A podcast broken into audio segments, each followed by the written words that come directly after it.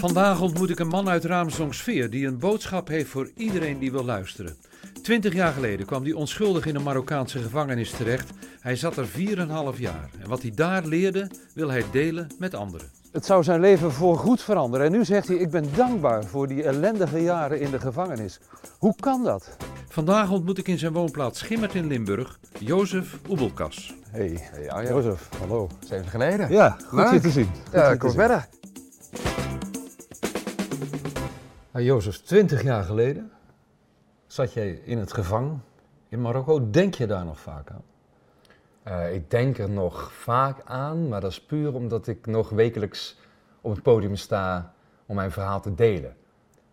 Eh, maar als ik gewoon mijn leven leef, dus gewoon buiten het podium om, eh, ja, heel weinig. Want ik leef zo ook in het nu, met alles wat nu aan gaande is in mijn privéleven. Droom je er nog wel eens over? En, en omdat ik dus ook heel veel spreek over het verhaal, is het dus ook een natuurlijke verwerking van het brein in de nacht dat ik er nog steeds over droom, maar nooit traumatisch, nooit zwetend wakker.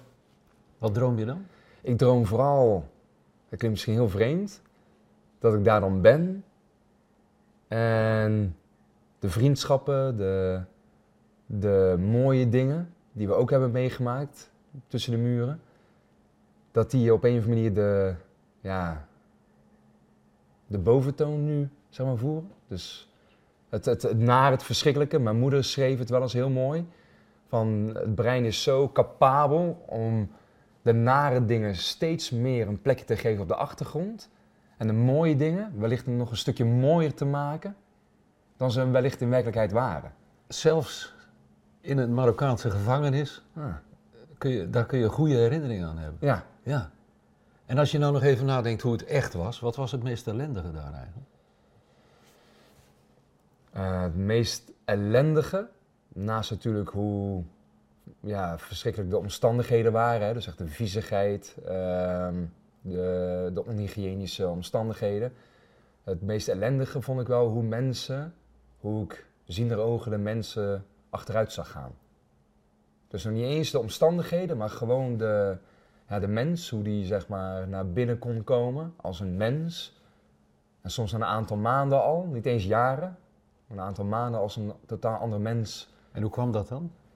Ik denk dat het komt door de hardheid van de wereld daar. Door wat ze hebben meegemaakt.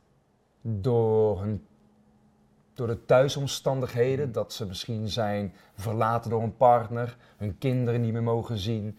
Eh, zijn vergeten door thuis. eh, doordat je in, ja, in de gevangenis gewoon minder bent dan niets wanneer je binnenkomt. Want je stelt gewoon echt niks meer voor. Dat dat wel heel veel doet met, eh, met de persoon. Je stelt niks meer voor. Ik hoorde, je moet, jij lag lepeltje, lepeltje. Met al die andere gevangenen op de vloer. Dat lijkt mij nou het meest verschrikkelijke. Dat was vooral in het begin verschrikkelijk. Je raakt eraan gewend. Dat is zo vreemd. Dus de omstandigheden. Dus het, als zo'n sardine in blik liggen naast elkaar. eh, de ratten, de kakkerlakken, de viezigheid. Allemaal dat soort de geuren. Dat klinkt heel vreemd, maar daar raakte ik na verloop van tijd aan gewend. Want dat is dan niet meer nieuw. Dat is een, ja, een constante, een vast gegeven. Maar de eerste weken en vooral de eerste nacht, die zal ik nooit vergeten. Dat ik daar lag. En ik zie mezelf echt nog liggen. Dat ik echt in het donkerte staarde. En dat ik hier voeten had, daar voeten, weer een voet in mijn gezicht. En dat ik echt dacht, wat, wat, wat overkomt mij nu?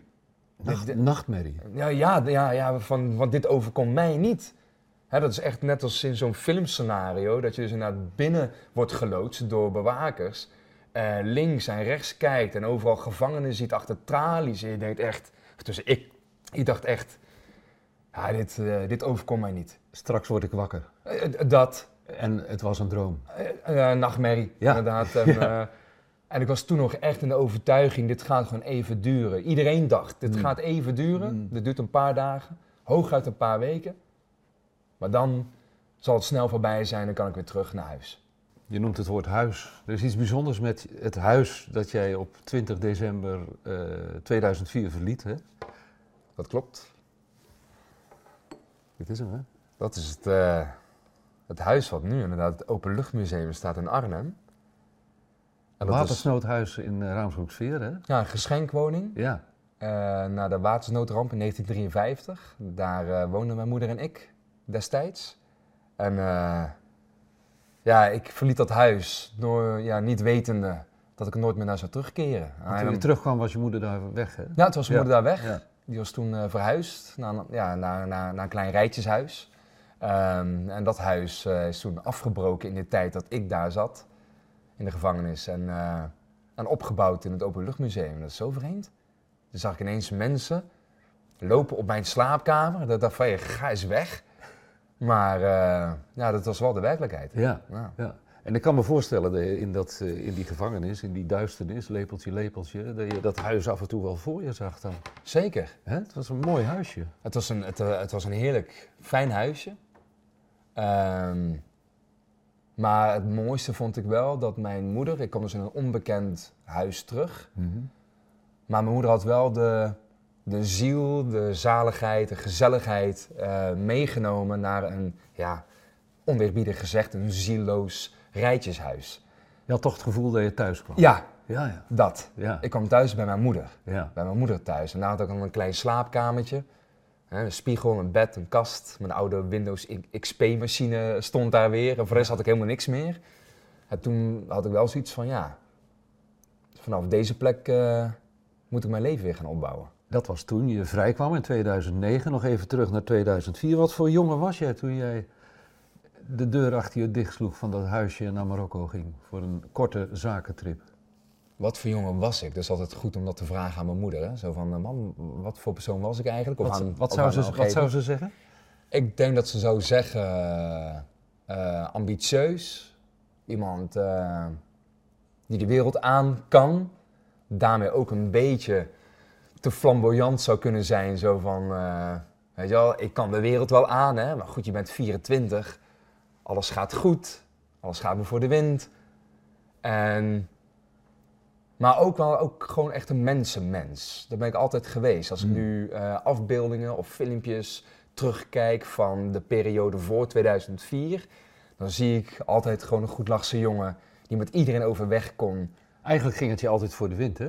Ja, eh, afgezien van de scheiding van mijn ouders, die, die natuurlijk wel heftig was toen ik Mm. 11 was, eh, kan ik absoluut terugkijken op gewoon een heel fijne jeugd, Slimme vent. zegt men. IT-studie gedaan, ging perfect. Eigen bedrijf begonnen, ging Mhm. perfect. Mhm, De wereld lag je toe. mhm. En toen die grote pauzeknop. Ja. 4,5 jaar in zo'n gevangenis. Ik probeer me dat voor te stellen. Hoe lang duurde het voordat je daar een beetje vrede mee kon hebben dat dat gebeurde? Je was veroordeeld tot 10 jaar. Je keek tegen 10 jaar aan. Mm, ik vind het wel mooi dat je benoemt de pauzeknop, want zo voelde het ook echt. Dus mijn leven stond echt op pauze. Ehm, het heeft wel echt maanden geduurd voordat er enige gewenning kwam. En dat echt het keerpunt, het scharnierpunt kwam toen na het hoge beroep, de tweede keer tien jaar celstraf, Mhm. werd eh, uitgesproken. Terwijl de hele wereld wist dat ik daar niet hoorde te zitten. Ja, ook de Nederlandse overheid heeft zwart iedereen op wit gegeven. Ja, Jozef ja, is onschuldig. Ja, die moet En daar toch, weg. Ja, Ja, dat. En eh, sterker nog, hadden de gegevens van de echte daders, hè, die achter die 8000 kilo Mhm. drugs zaten. Ehm, en toch ging je het gevangen weer in. mhm. Dat dat voor mij een keerpunt was, een scharniermoment, zeg ik Mhm. vaak. Dat het eigenlijk zo te bespottelijk was voor woorden, dat ik niet eens meer een eh, traan om kon laten. Dat het zo overduidelijk was dat, daar, dat ik daar moest zitten op een of andere manier. Dat ik mijn moeder nog belde. Eh, en iedereen was in de veronderstelling, ja, dit gaat goed komen. Hè. De fouten werden ook toegegeven door de rechter. Ook in het hoge beroep. Dus alles zag ernaar uit zoals het gewoon zou moeten gaan. Ik ga eindelijk terug naar huis. Hmm. En ik weet nog dat ik mijn moeder belde vanuit de eerste gevangenis.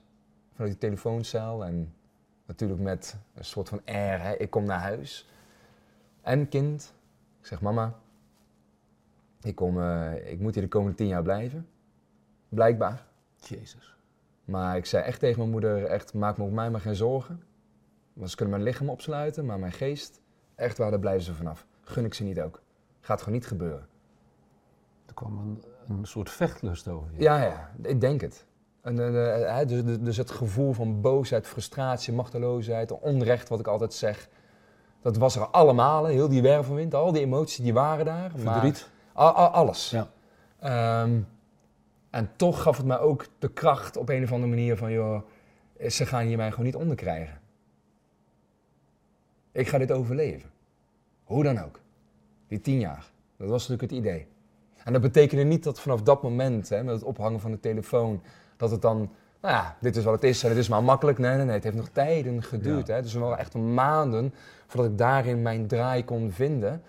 Maar het was wel die ultieme confrontatie met mezelf, in die nogal confronterende omgeving, dat het eh, nu echt aan mij was. Nu ben ik aan zet. Kun je achteraf verklaren waar die kracht vandaan kwam eigenlijk? Want het is puur kracht geweest dan toch? Ik wil graag geloven dat dat een... Mentale kracht. Ja, ja, ja. Ja. Ja, ik, ik, ik wil graag geloven dat het een bepaalde veerkracht is die ieder mens, eh, ieder mens behelst. Hmm. Dus iedereen heeft dat, alleen niet iedereen weet hoe dat aan te boren. Niet iedereen heeft eh, het meegekregen vanuit de omgeving, opvoeding, eh, hoe je dat moet gebruiken. Mhm.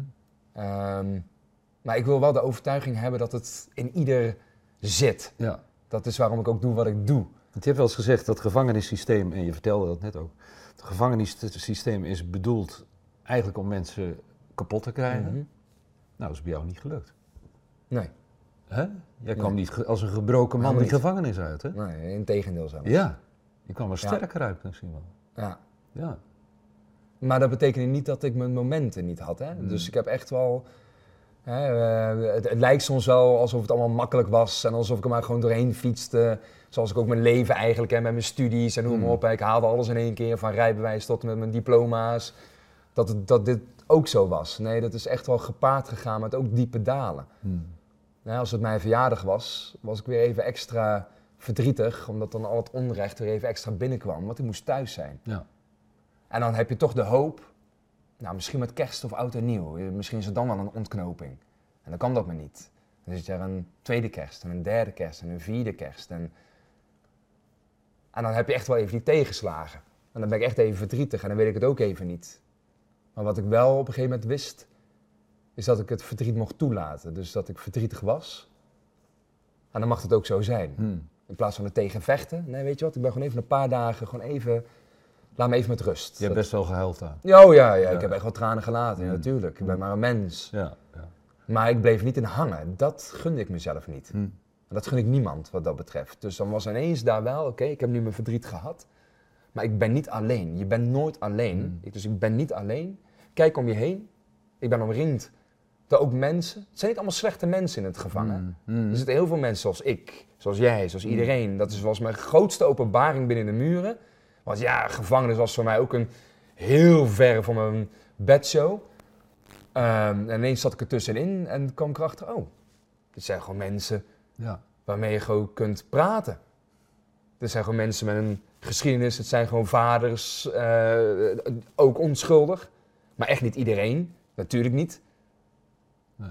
Dus de meesten die hebben echt wel wat gedaan. Maar de meeste daarvan, die hebben iets gedaan waar ze ook spijt van hebben.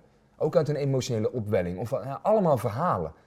En ineens heb je daar die verbinding van mens tot mens. En dat heeft ook geholpen. Absoluut. 1637 dagen. Wat goed dat je dat zo zegt. Ik moet mensen zo vaak... eh, je hebt ze goed voorbereid. hoor. 1637 dagen en nachten. Die heb ik ook geteld, zeg ik wel eens. Ja. Daarna kwam je naar huis. Mhm. Dat was me ook wat, hè? Omroep Brabant was erbij toen. Hè? Zeker. Zeker. Jullie zijn er sowieso eh, altijd bij geweest. BN De Stem, Omroep Brabant. Dat zijn, eh, ja... Ja, ik ben natuurlijk zelf ook... ik ben natuurlijk zelf ook geboren en getogen in het mooie Brabantse landschap. Dus die steun vanuit jullie, even zo gezegd, vond ik heel tof. Je Dus was, jullie waren erbij. ja, je was, je was echt euforisch, Ja. volgens mij. Ja, je ziet ja, naar een jonge man die echt heel erg blij is dat hij weer thuis is en Absoluut. zich helemaal suf geniet. Dat waren zeker die eerste weken. Dat was. eh, ik zeg wel eens, als een klein kind die voor het eerst naar de Efteling gaat. Ja, die kijkt zijn ogen uit en eh, die, die, die weet gewoon van gekkigheid niet. Moet hij nou naar carnaval of nou eh, Sprookjesbos of nou. eh, een droomvlucht. Dus ja, die, en, en dat was wel het gevoel toen ik thuis kwam. Ik wilde alles inhalen, tegelijkertijd doen. Ik werd overal uitgenodigd door vrienden, familie. Ik kon weer eten wat ik wilde. Ja, het was gewoon ja, euforie ten top, absoluut. Je lag weer lekker in je eigen bedje. Dat, Ja. Dat. Hoewel je ook zei, ik had bijna de neiging om op de grond te gaan liggen, want ik kon niet slapen. Dat was de eerste nacht, ja. Ja. Dat was een hele moeilijke nacht. In de zin van alle indrukken. Die eerste dag thuis. En dan lag ik in mijn bed en ik kon mijn draai niet vinden. Mijn hersenen op volle toeren. Heb ik nog even mijn deken neergelegd op de grond. Want ja, dat, dat was mijn leven ook. En toen lag ik echt op de grond, starend naar mijn bed. Ja, weet je, dit is niet mijn leven op de grond. Ik moet gewoon in bed liggen. En uiteindelijk uit over vermoeidheid gewoon in slaap gevallen. En eh, s ochtends, weet ik nog zo goed, die ochtend dat ik wakker werd door de geur van de overbroodjes. Ik, ik, ik, ik rook dat en ik hoorde mijn moeder neurien beneden. En ik dacht echt, verhip, dit is weer zo'n droom. Die ik, heb, die ik zo vaak heb gehad in de gevangenis. Dan was ik weer vrij in mijn droom. En ineens kwamen daar die woorden hè, van wokaf, wokaf, ahtiram. Iedere ochtend tijdens het ochtendappel. Wat betekent dat? Dat betekent opstaan, opstaan, toon respect. En dan moesten we opstaan in een rij opgesteld, werden koppen geteld.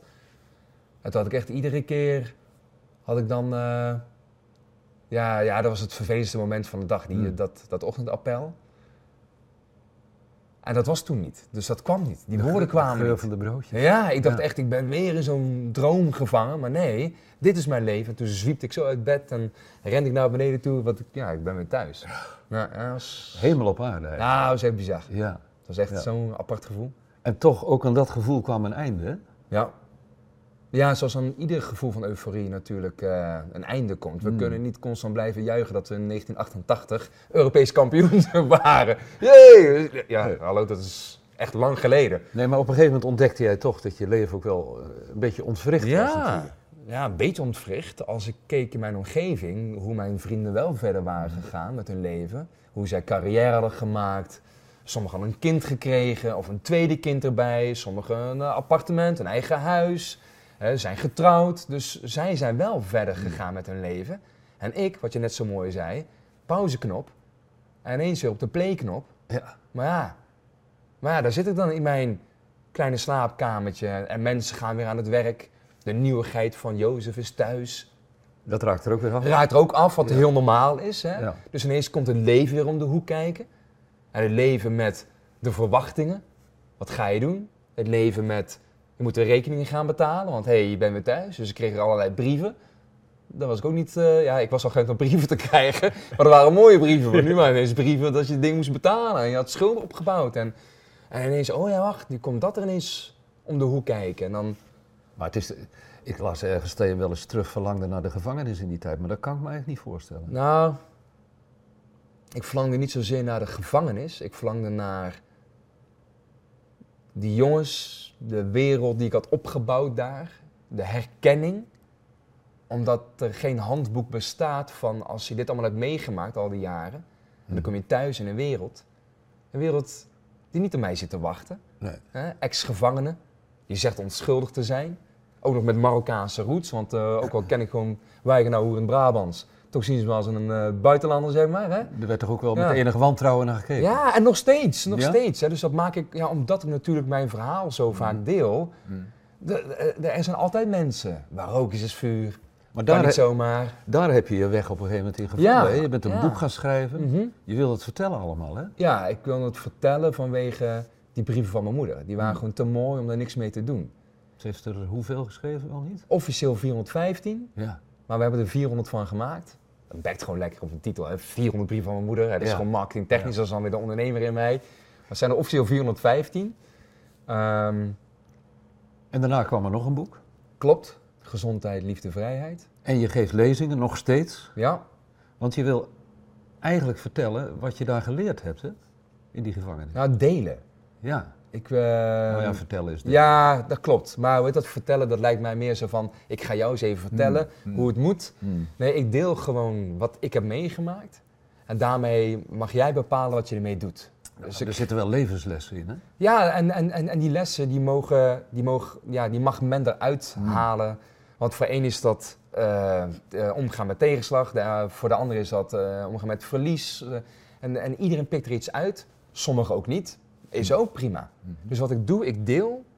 En ik ben erachter gekomen dat er heel wat, echt wel wat uit te halen. Want daardoor blijft het boek nog steeds maar doorgaan. Ja. Maar daarmee laat ik ook los. Want uiteindelijk moet je het wel zelf doen. Maar wat is jouw drijfveer om dit te willen delen dan? Mijn, echt mijn ultieme drijfveer is eh, die jaren die ik daar heb meegemaakt, dat die dan niet voor niets zijn geweest. En van betekenis kunnen zijn voor een ander. Dat ik inmiddels al duizenden berichten heb ontvangen. Van oud en jong. Dat kinderen van 13, 14, en ik kan ze zo allemaal opzoeken, want ik, ik sla ze allemaal op. Mij een berichtje sturen en zeggen, Jozef, dankjewel. Want ik heb je verhaal gehoord en je hebt me echt even geholpen. Echt, dit setje had ik nodig. Nou, als ik dat mag blijven krijgen, dat is ultieme drijfveer. Want mensen hoeven mij niet te Ja. bedanken, je hoeft het niet te zeggen. Maar dat die kinderen dan, vooral kinderen, jongeren, dat doen, wie gaat mij tegenhouden? Maar als je dan voor jezelf zou moeten formuleren wat, jou, eh, wat, wat die vreselijke tijd jou heeft opgeleverd in je leven, wat is dat dan? Dat is gek hè, dat, dat, dat een vreselijke tijd dus iets kan opleveren.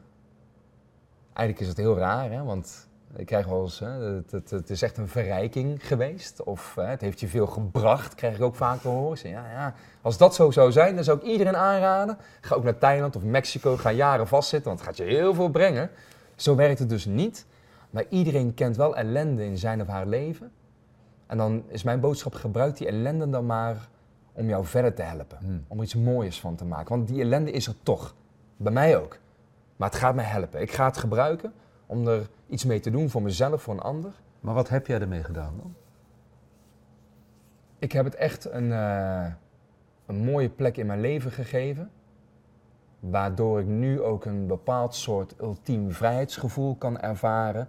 Wat niet afhangt van iets of iemand anders. Maar dat het echt gewoon puur gewoon bij mij ligt, 100%. Dat ik bepaal hoe ik kijk naar de wereld. Maar dan heb je in de gevangenis de vrijheid ontdekt. Ja, absoluut.